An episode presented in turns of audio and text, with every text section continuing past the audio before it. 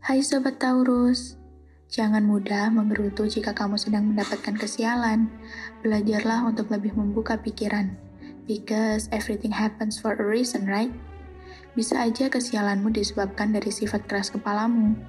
Mungkin itu sebabnya kenapa kalian disimbolkan dengan banteng, karena kalian keras kepala. Kamu sedang tidak mengalami kesulitan keuangan, tapi kamu gak boleh jajan yang sembarangan. Tetap jaga pola makanmu dan jenis makananmu. Jangan sampai suatu hari kamu jatuh sakit karena makanan yang sembarangan. Eh tapi minggu ini kamu sangat confident ya dengan dirimu sendiri. Positif banget loh aura dirimu sekarang. Kamu benar-benar lagi menerapin quotes love yourself first before you love someone. Percintaan untuk Taurus Lovebird. Semuanya baik-baik aja minggu ini. Semoga selalu begini ya untuk minggu-minggu berikutnya. Untuk sobat Taurus yang masih single, kamu belum bisa menerima cinta baru dari seseorang.